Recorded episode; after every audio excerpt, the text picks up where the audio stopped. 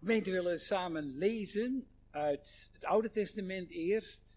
Psalm 40, vers 7 tot en met 12. En dan lezen we ook Hebreeën 10, vers 1 tot en met 10. Eerst Psalm 40, vers 7 tot en met 12 en dan Hebreeën 10, vers 1 tot en met 10. Psalm 40 vanaf vers 7, daar lezen wij Gods woord als volgt. Waar David zegt, geleid door de geest, u hebt geen vreugde gevonden in slachtoffer en graanoffer.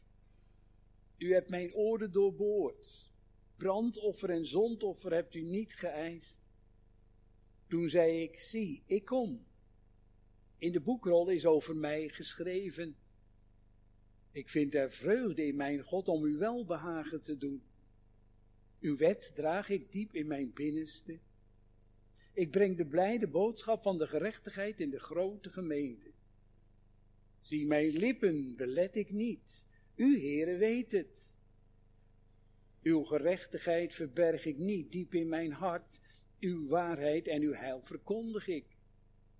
Uw goede tierenheid en uw trouw verzwijg ik niet in de grote gemeente.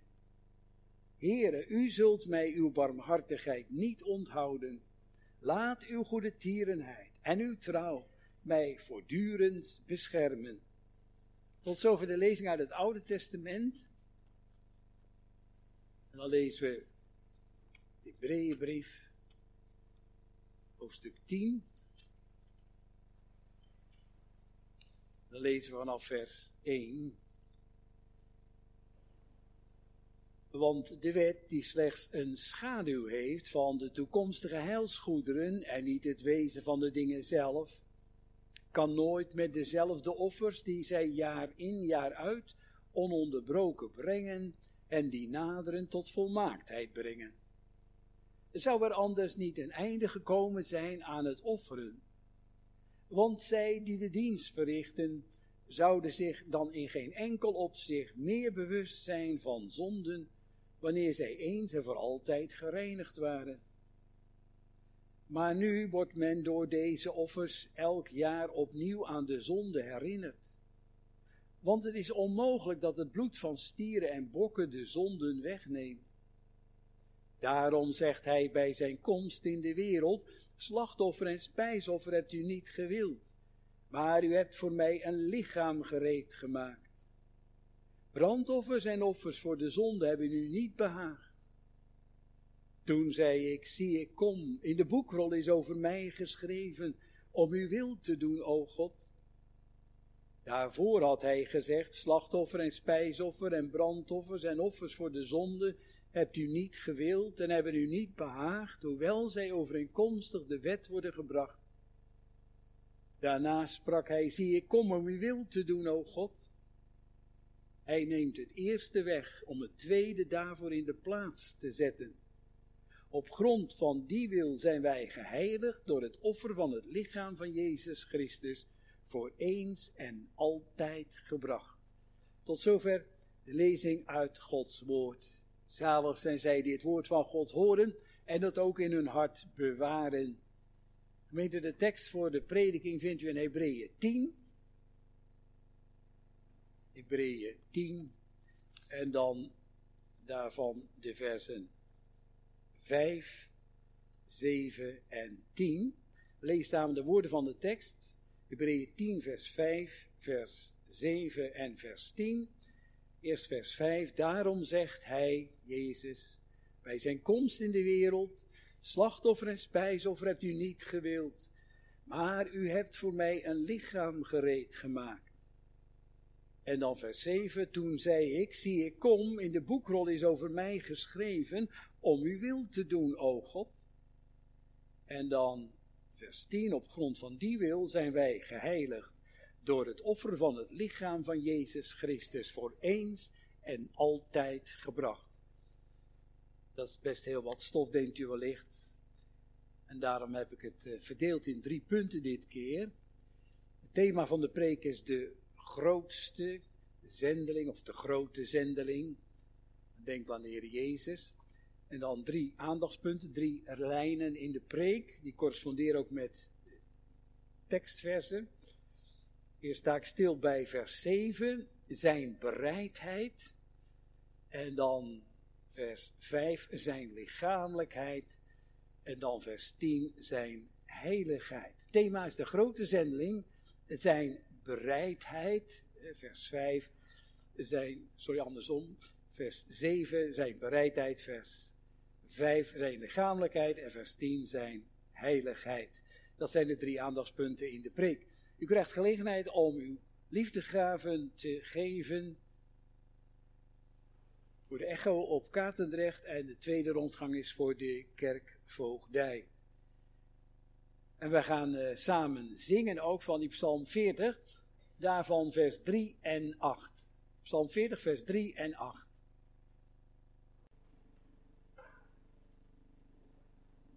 Gemeente, jongelui, jullie hebben denk ik vast wel eens gehoord van Greta Thunberg. En die Greta is heel bekend geworden. Als er iemand in het nieuws is geweest, dan wel zij, die jonge dame. Haar spraakmakende speech tijdens de klimaatconferentie in New York heeft heel wat tongen losgemaakt. En dat was ook haar bedoeling. Want dat eens zo eenzelvige, teruggetrokken meisje heeft inmiddels wereldwijde bekendheid. Ja, zij is het boegbeeld geworden van de milieuorganisaties. En ze heeft maar één missie, zegt ze, de wereld redden van de ondergang. Nu kunnen jullie jongelui van alles van haar vinden, van deze Greta. Maar je kunt niet ontkennen dat zij tenminste een doel heeft in haar leven. Een missie, zo gezegd. Namelijk het herstel van het milieu. En daarom wordt zij ook bewierookt door miljoenen mensen. Dat gaat zover dat de Zweedse kerk van Malmö haar zelfs noemt een van de opvolgers van Jezus Christus. Nou, dan huif je, dan denk je, ja, die vergelijking gaat wel heel erg ver, veel te ver. Want deze Greta, die kan de wereld niet redden. Alleen Jezus Christus. Daarom kwam hij uit de hemel naar de aarde. Want de wereld redden, daar is meer voor nodig dan het herstel van het milieu. De apostel Johannes die zegt, God zond zijn zoon als verzoening van onze zonden om de wereld te redden. Nou, dat wordt hier in Hebreeën 10 nader uitgewerkt. Dan gaat het over de grote zendeling. En u weet, zendeling betekent gezondene. Vaak wordt dat gezegd hè, van het Pinksterfeest. Dat is het zendingsfeest.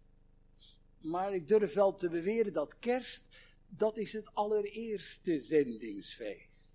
Want er komt namelijk de grote zendeling vanuit de hemel naar de aarde, de Zoon van God. De zendingsgeschiedenis kent vele grote namen. En wellicht weten jullie jongens en meisjes er wel een aantal op te sommen. Als ik aan je vraag, noem eens een paar belangrijke bekende zendelingen. Dan zeg je ja, Willibrord en Bonifatius. Die brachten het christendom weer terug in, in Nederland. En dan Albert Schweitzer, wat heeft die man veel betekend voor Afrika. En dan natuurlijk Hudson Taylor, die jarenlang in China heeft gewerkt. Maar de basis van alle zendingswerk, die is toch door Jezus gelegd. Hij is de grootste zendeling. In opdracht van zijn hemelse vader.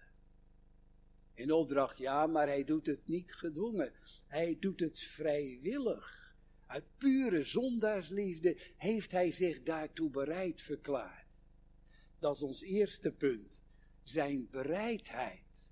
En vers 7, dat hij zegt, zie ik kom, o God, om uw wil te doen. Hij aanvaardt zijn roeping heel gewillig. En we horen hem dat zeggen tegen zijn vader. Zie ik kom, o God, om uw wil te doen. Dit opgemerkt gemeente hier in de Hebreeënbrief wordt Jezus zelf aan het woord gelaten. Deze Hebreeënbrief, die geschreven is aan Joden, christenen, die wordt in de uitlegtraditie beschouwd als een uitgeschreven preek.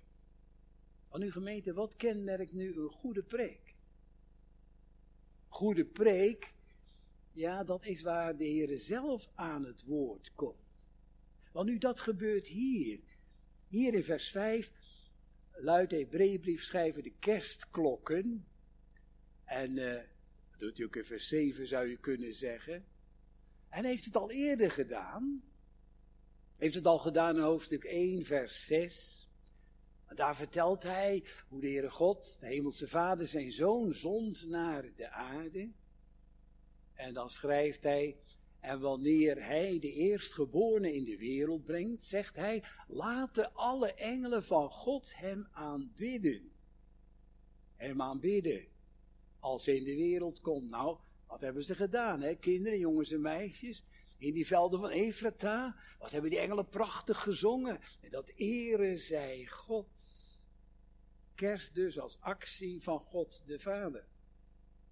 Maar hier in ons tekstgedeelte gaat het over de actie van God de Zoon zelf. Zijn komen in de wereld en vooral het hoofddoel van zijn komen. Het waarom van zijn komen. Weet ik hoop dat u het met me eens bent, dat wonder van kerst, daar raak je nou nooit over uitgedacht, uitgepreekt en uitgeluisterd, uitgewonderd. Want dat is eigenlijk toch als een schitterende diamant, hè, met allerlei facetten. Nou, hier wordt dat heilsfeit van kerst belicht vanuit de offerdienst. Kom op uitbezoek in Nieuwe Kerk nogal eens eh, van die reislustige pensionado's tegen. En die mensen die maken er werkelijk een sport van om allerlei landen in de wereld te bezoeken. Maar van bepaalde landen zeggen ze, nou dominee, maar daar ga ik niet heen hoor dat is daar veel te gevaarlijk. Je kunt er enge ziektes oplopen en ook de kans om, op, om beroofd te worden. En ja, het krioelt er ook van de drugsbendes. En terroristische aanslagen zijn daar schering en inslag. Nee, daar moet je niet wezen. Daar ga ik niet naartoe. Stel u nou eens voor, gemeente, dat de Zoon van God zo gedacht zou hebben die wereld, dat wingewest van de Satan, die wereld die in het boze ligt, die wereld vol haat en doodslag, die wereld vol ontrouw en verbroken relaties, die wereld vol spotters en vloekers, die wereld vol verslaving en machtsmisbruik, die wereld vol stank en milieubederf, die wereld vol verdriet en tranen, ziektes en dood, daar ga ik niet heen hoor vader, mij niet gezien. Nee, gelukkig hij zegt, ik kom om uw wil te doen. En hij komt naar deze wereld om haar te verlossen van haar schuld, van haar ellende en uitzichtloosheid. En gemeente laten vooral niet vergeten wat dat hem gekost heeft. Hè? Terecht wordt gezegd over die wieg van Jezus, daarover valt al de schaduw van het kruis liep ik eh, vorige week een blokje om, zo in de wijk waar ik woonde, in, in Capelle. Allerlei kerstverlichting natuurlijk, ook in de tuinen. Vol creatieve verlichting. In de straat, heel romantisch. Ja, behalve, dat viel mij op, die tuin van die oude schipper. Er stond eigenlijk alleen maar een verlichte scheepsmast in de tuin. In de vorm van een kruis. Die man had het begrepen. En hij liet ook zien aan de omwonenden. Jezus kwam op aarde om naar het kruis te gaan. Tot in de marteldood toe, ja, tot in de helse godverlatenheid. Dat was namelijk de wil van zijn hemelse vader. Nou, die vreselijke weg wilde Jezus gaan van kribben naar kruis. Om zondaren zoals u en ik in een herstelde relatie met God te brengen om mensen hier in Rotterdam die in de goot liggen op te rapen en ze te brengen tot zijn hemelse heerlijkheid. Over dat redden neerdalen vertelt ons de Beebriefschrijver in onze tekst. Nee, ik zeg het niet goed, het is nog heerlijker. Daarover vertelt Jezus zelf. Ja, gemeente praten over Jezus, dat is heel goed en mooi. En doe het maar eh, veel hoort thuis en op de kring, de Bijbelkring en op de JV. Ik hoor het die oude dominee H. Visser nog zeggen. Afloop van de vergadering stonden we zo samen wat te praten en vroegen het aan hem, joh, hoe is het nou geestelijk met je? Toen zei hij, ach broeders, over mezelf ben ik zo gauw uitgepraat. Maar nooit over hem, mijn heiland, Jezus Christus. Praat over Jezus, dat rijk. Maar nog heerlijker is het als je hem over zichzelf hoort praten.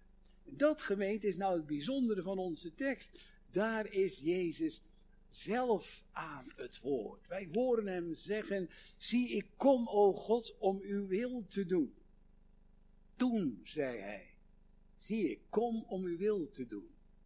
Toen, wanneer is dat? Ja, dat toen, dat is al heel ver voor zijn geboorte op aarde. Vandaar gemeente, ga ik even wat met u naar de diepte. Vandaar dat dit tekstwoord een belangrijke rol heeft gespeeld in de gereformeerde traditie. Het is namelijk een van de bouwstenen in de onderbouwing van het zogenaamde verbond der verlossing. Verbond der verlossing, dat is een soort overleg van de drie enige God al voor de schepping van de wereld waarin dan bindende afspraken zijn gemaakt tussen de, God de Vader, God de Zoon en God de Heilige Geest.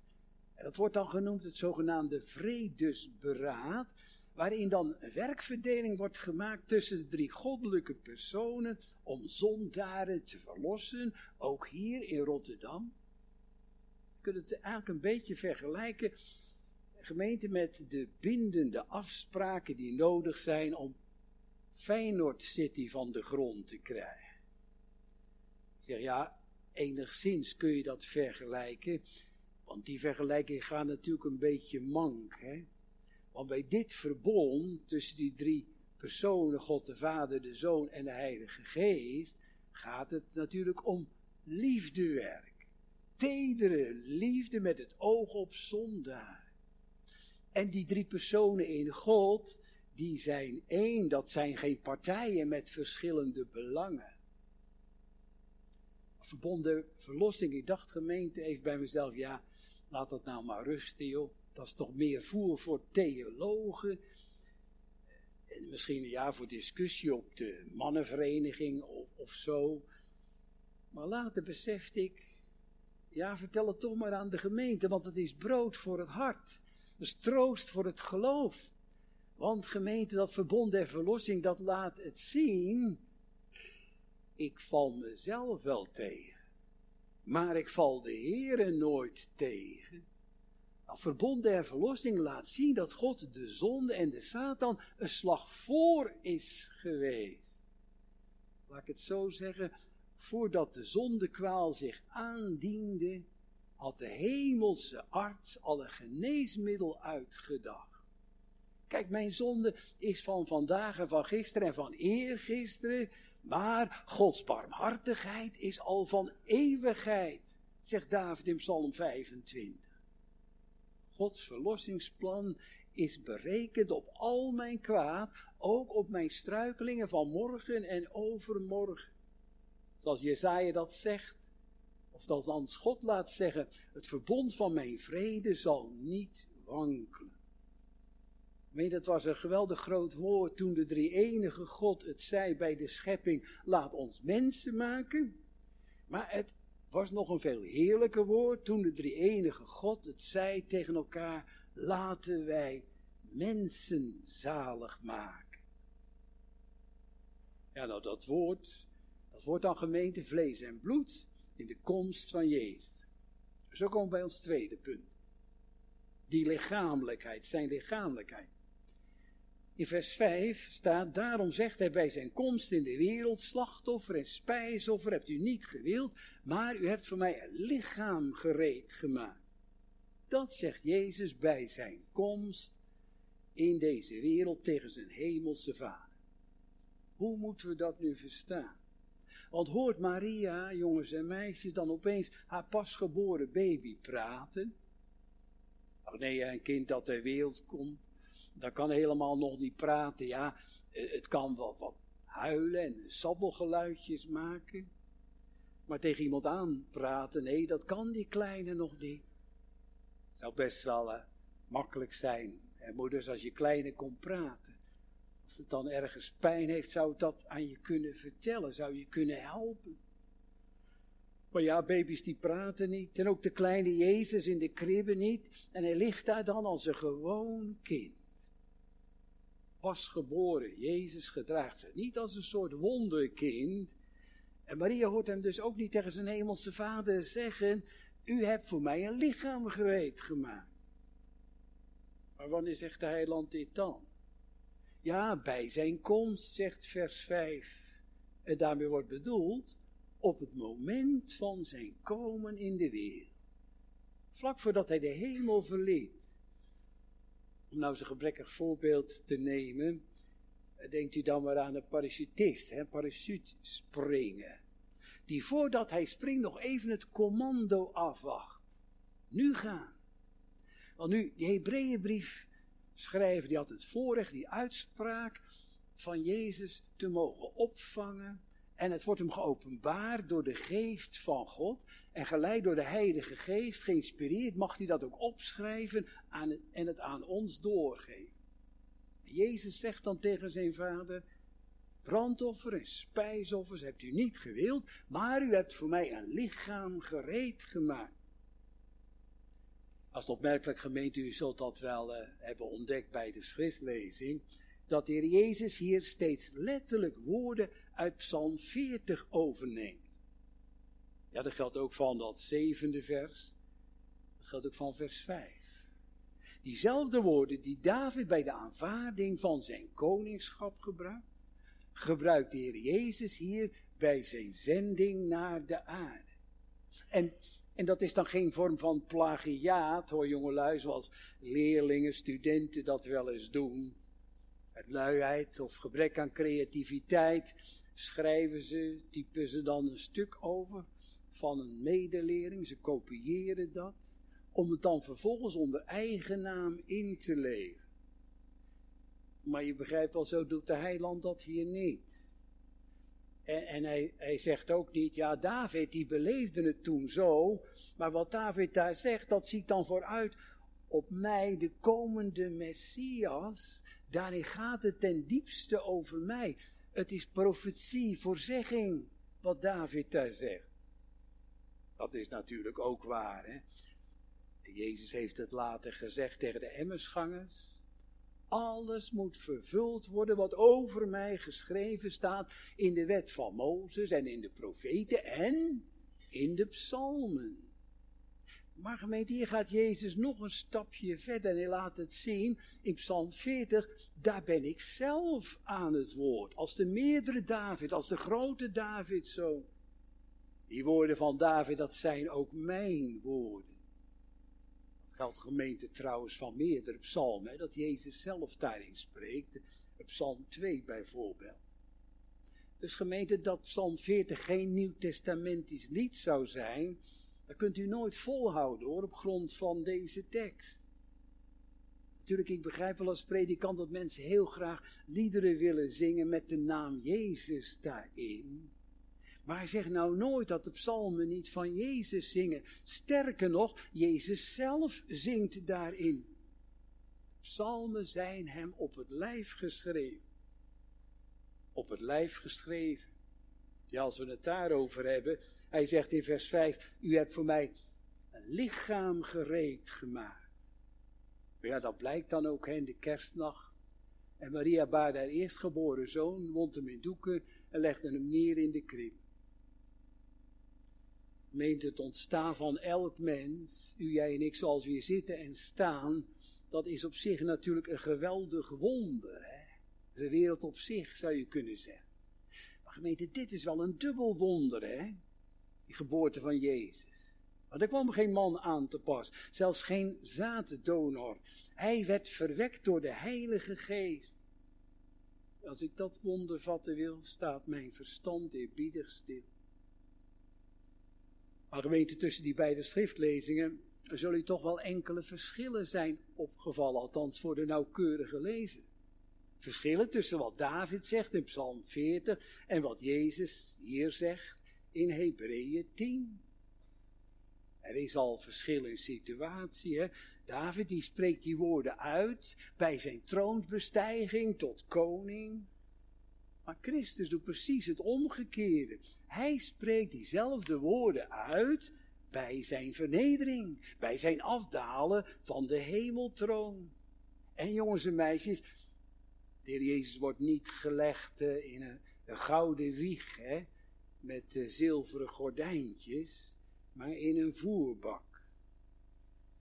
Verschillende situatie. Maar gemeente zo, op het eerste gehoor ook verschillen in tekst, hè.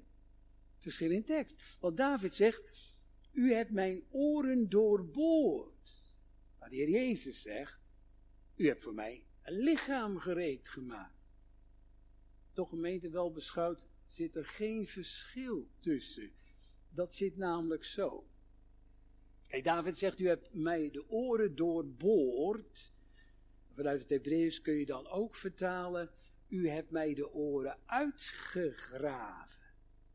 Dat wil zeggen, u hebt mij als schepper het gehoor gegeven, de gehoorgangen en ook de oorschelpen aan weerskanten. Ja, zoals een kunstenaar dat doet, hè. die zie je dan bezig met zijn zandsculptuur bijvoorbeeld. Een figuur uit te beelden. Of uh, iemand die bezig is met een hoofd met klei. Met zo'n klein mesje dan als het ware gehoorgang erin wordt, uitgraafd. Hè. En ook die gehoorschelpen maar. maar. Zo heeft de grote schepper dat gedaan, nog veel heerlijker bij ons, bij u, bij jou en bij mij. En gemeente, daar kun je alleen maar dankbaar voor zijn. Hè? Dat je ook vanmiddag de preek kunt horen met je eigen oren. Kort geleden bezocht ik iemand op huisbezoek. Die plotseling was overvallen door een enorme doofheid. En hij zei, kijk Dominique, dan besef je pas goed wat een zegen het is als je goed kunt horen. U hebt mij de oren uitgegraven. Maar let op, dan bedoelt David dat figuurlijk, geestelijk. Dan bedoelt hij, Heere God, u hebt mij gehoorzaam, gehorig gemaakt aan uw woord. Om u, Heere, in liefde te gehoorzamen. Nou, gemeente, weet u er ook van. Kunt u het ook zo zeggen met David? U hebt, Heere, mijn oren doorboord. Want daar begint nu de wedergeboorte, de geestelijke geboorte. Bij die geboorte, jongens en meisjes, krijg je zo gezegd oren aan je hart. Vraag thuis maar na bij je vader en moeder wat het is. Oren aan je hart. En dat is een wonder. Maar van nature zijn we Oost-Indisch doof voor het woord van de Heer. De Heilige Geest je oren doorboort, dan betekent dat onder andere dat dat woord van God je ook echt gaat raken. Dan gaat de preek niet meer over je heen. Dan dringt dat woord bij je naar binnen. Door je oren, in je hart. Dan komt dat woord zo bij je binnen dat het je raakt. Dat je ook schuldig gaat voelen tegenover de Heer. Dat je gaat beseffen hoezeer je de zaligmaker Jezus nodig hebt. Wil je de Heer ook gaan gehoorzamen uit liefde, uit wederliefde. Maar nu gemeente terug naar die letterlijke betekenis. U hebt mij de oren uitgegraven. Dat is een Joodse zegswijze en dat betekent, u hebt mijn lichaam geschapen. Nou, dat is toch precies gelijk aan wat de Heer Jezus hier zegt in Hebreeën 10. U hebt voor mij een lichaam gereed gemaakt. En dat bedoelt de Heer Jezus dat dus niet figuurlijk, zoals David. En dat hoeft natuurlijk ook niet, want Jezus is zonder zonde. Zijn oren zitten niet dicht voor het woord van God. Oh nee, hij is een en al oor en hart als het gaat om wat God hem vraagt te doen. Maar waarom wordt dat lichamelijke dan zo benadrukt in onze tekst?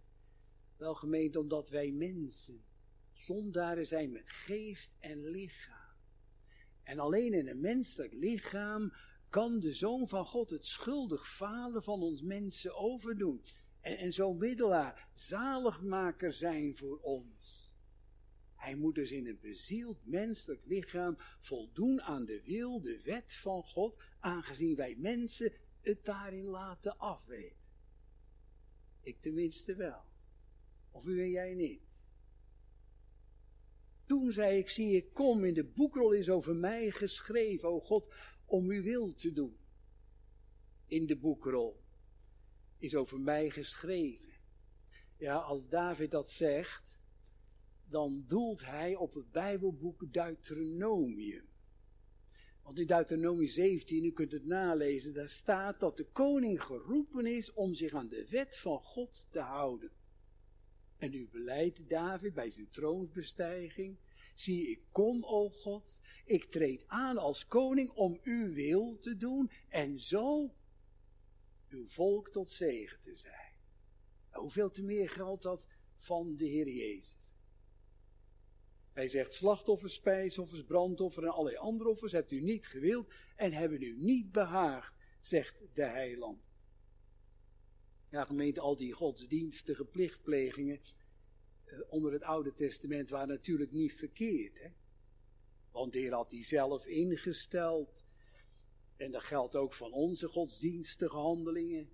Kerk gaan, zoveel als je kunt. Hè? Eh, bidden, verschillende malen per dag. Eh, Bijbel lezen, Bijbel overdenken, zingen, preken, evangeliseren. Gemeente, al die middelen die zijn voorgeschreven door de Heer en wij hebben ze hard nodig als levensmiddelen. Ja, zoals ook Israël er was geroepen om de offerdienst te onderhouden. Dat had de Heer God zelf bij wetgeving bepaald, zegt vers 8 in het slot. Dus gemeente, al die handelingen zijn bepaald niet verkeerd in Gods ogen en zeker niet als het hart daarin meekwam.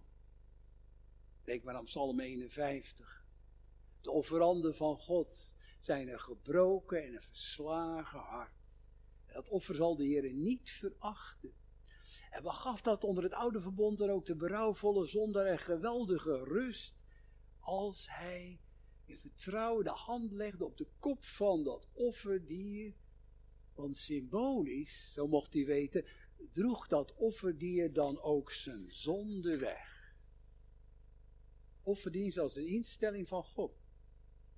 Maar gemeente, waarom staat hier dan? Waarom zegt Jezus dan dat God die offers, die oud offers niet heeft gewild? Wel, hier wordt bedoeld, niet gewild als middel tot verzoening van de zondeschuld. Ze kunnen God niet behagen. Legio offerdieren werden geslacht. Hè. Wat, wat vloeide er ontzettend veel bloed in de tabernakel en later in de tempel. Maar al dat bloed reinigde de mensen niet, niet een enkele zonde. Dieren konden niet de plaats innemen van zonde. Dieroffers konden niet dienen als betaling voor de zondeschuld van mensen. Dieroffers konden niet dienen om de verbroken relatie tussen God en mensen te herstellen. Zelfs niet tussen God en de offerende mens. Nu gemeente, dat geldt nou ook van onze geestelijke offers. Hè? Al onze offers zijn ontoereikend. Wij kunnen God daarmee niet behagen. Zelfs niet met onze innigste gebeden. Ook niet met onze enorme inzet voor kerk en samenleving. Met ons opkomen voor de gereformeerde waarheid. Of onze hulp aan de naaste. Zelfs onze beste werken, zegt de catechismus, zijn met zonde bevlekt. Er zit vuil aan. Daarom gemeente, zie het lam van God, dat de zonde van de wereld wegdraagt. Daar moeten wij het van hebben. Alleen zijn bloed reinigt ons van alle zonde.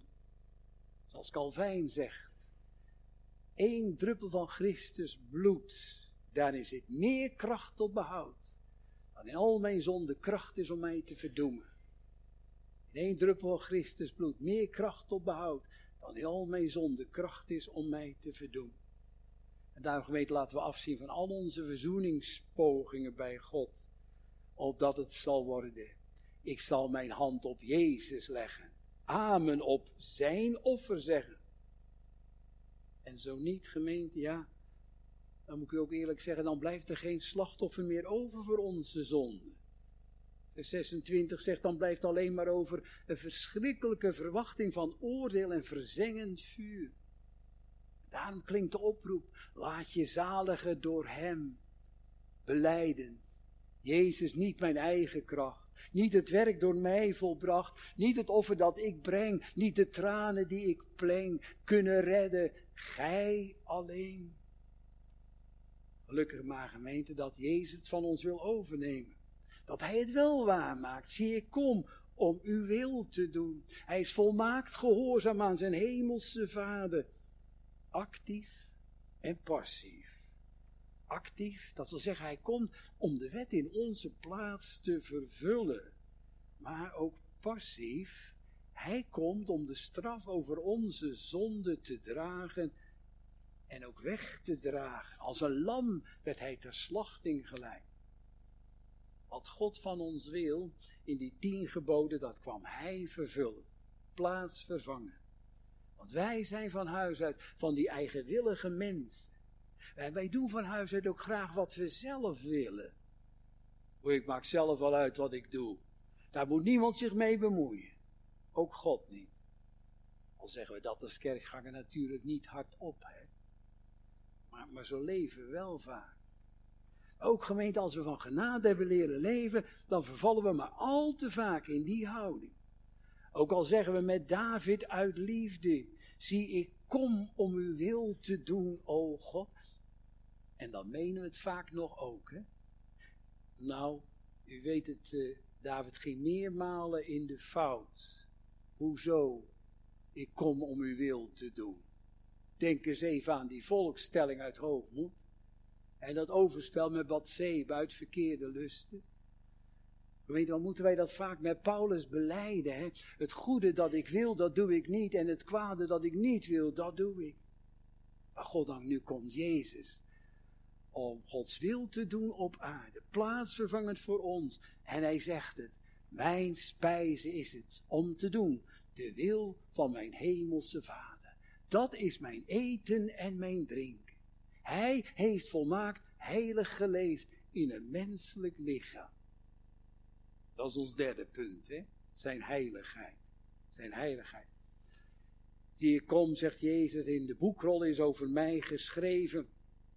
Nou, dan mogen we dat woord boekrol best wel breder nemen. Want wat is er veel geschreven in het Oude Testament over de komst van de Messias. Als degene die voor zondaren bij God in de bres zou staan. Die waar wij steken laten vallen, die steken opraapt en ze voor ons wegdraagt aan het kruis. En die mensen met die aangeboren neiging om tegen Gods wil in te gaan, vrij wil zetten voor God. Hij heeft Gods wil tijdens zijn aardse leven volkomen gedaan. Voor 100%. En op grond daarvan mocht de Heer Jezus ons ook de heilswil van God verkondigen. Johannes 6. Dit is de wil van Hem die mij gezonden heeft, dat een ieder die in de Zoon gelooft, de Zoon aanschouwt en in Hem gelooft, het eeuwige leven heeft. Nou, gemeente, doet u dat? De Zoon aanschouwen? Als je je ogen, je geloofsogen niet van hem kunt afhouden, omdat je verliefd op hem bent geworden, op hem die vol is van genade en trouw, worden we op de eerste kerstdag. Dat je zegt, ja beminnelijk vorst, uw schoonheid hoog te loven, gaat al het schoon der mensen verre te boven. Meente, dit is zijn lijfspreuk, zijn levensprogramma. Ik kom om uw wil te doen. Daarom werd hem een menselijk lichaam gegeven. Om in dat lichaam de wil van God te volbrengen. Jawel, dat kost hem bloed, zweet en tranen. Dan zie dan maar hoe hij kruipt als een worm in de hof. In het stof van de hof. En hoe het zweet wordt tot druppels bloed. En hoe hij dat bidt. Vader, indien het mogelijk is, laat deze drinkbeker aan mij voorbij gaan. Toch niet mijn wil, maar uw wil geschieden. Ziet u, hij heeft vaders wil en wet volmaakt vervuld, tot in de dood van het kruis, ja, tot in de Godverlatenheid. Ook vaders wil dat de zondeschuld door hem zou worden betaald. Die dieroffers die voldeden niet, alleen het offer van Jezus. En heel de ceremoniële offerdienst van het Oude Testament, we kunnen er nog beeldend onderwijs uithalen voor ons geloofsleven, Maar die offerdienst zelf is afgeschaft. Zo beleden wij met artikel 25 van de NBG, NGB. Weet je, Jezus komt om de wil van God te doen. En staat er dan vers 9, zo neemt hij het eerste weg, namelijk die offerdienst van het Oude Testament. Om het tweede, zijn volmaakte offer, ervoor in de plaats te stellen. Zie, ik kom om uw wil te doen. Nou, op grond van die wil, hè, die door Jezus volbrachte wil van God, op grond daarvan zijn wij geheiligd. Vers 10. Zo mogen wij, de gelovigen, het ook horen. Geheiligd door het offer van het lichaam van Jezus Christus voor ons volbracht. Voor eens en voor altijd. Gemeente, de Hebreeënbriefschrijver, hij jubelt het uit. Wij zijn geheiligd door die geloofsverbondenheid met Hem. Heilig in Hem, heilig voor God. Ja, zegt de apostel Paulus tegen de gelovigen in Colossense 2. U bent in Hem, in Jezus, volmaakt. Dat is wat, volmaakt voor God. En er kan er hoeft van onze kant niets meer bij. En anderzijds, gemeente, als je nou niet leunt op zijn zoenoffer, ja, dan, dan blijft er geen slachtoffer meer over voor de zonde. Alleen maar ondergaan. Geheiligd door Christus offer. Je zegt, ja dominee, maar hoeven wij dan geen ernst meer te maken met het heilig leven als christen? Ach, als je nou echt leeft, hè, uit zijn offer, dan wil je toch niet anders meer. Dan heilig leven voor God. Dan besef je toch dat je hem toebehoort. Met ziel en lichaam. Dan maak je toch ook ernst hè, met die opdracht van Romeinen 12. De opdracht om je lichaam te wijden aan God. Als een levend dankoffer. Maar die heiliging is dan uh, geen poging meer om God te pleasen. Geen charme-offensief meer. Geen poging meer om jezelf op te pimpen voor de Heer. Om punten te scoren bij Hem. Want dat zou inderdaad een belediging zijn. Van Christus volkomen offer. Alsof dat niet af zou zijn. Nou, dat offer, offer als eens en voor altijd gebracht, vult de vertaler aan staat schuin gedrukt, dat wil zeggen in de grondtaal, staat het niet. Je kunt het dus ook zo vertalen, eens en voor altijd geheiligd. Is dat niet geweldig gemeend? Heilig voor God, dan ben je eens en voor goed in Christus je heiland. Nou, dat is toch de doodsteek voor alle werkheiligheid. En wat geeft het anderzijds een machtige troost voor het geloof?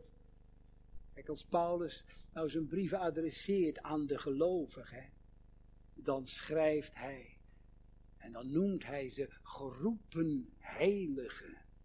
Ja, dat zijn we. En dat blijven we, eens en voor altijd. Gemeente, wat een vastheid, wat een heerlijke zekerheid. O, kniel dan met mij, nog eens, gelovig bij die krib en zeg, o dierbaar kind, gezondene van de Vader grote zendeling, ik aanbid u, en wie ik al mijn heiligheid vind, ja, dan vier je opnieuw kerstfeest, Christusfeest, zendingsfeest.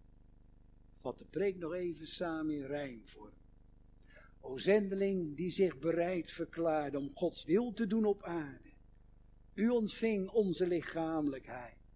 Wie gelooft ontvangt uw heiligheid. Welke liefde heeft u bezield om als offerlam voor mij te bloeden, daar ik mijn schuld niet kon vergoeden, heb ik in vreugd bij uw kribbe geknield. Amen.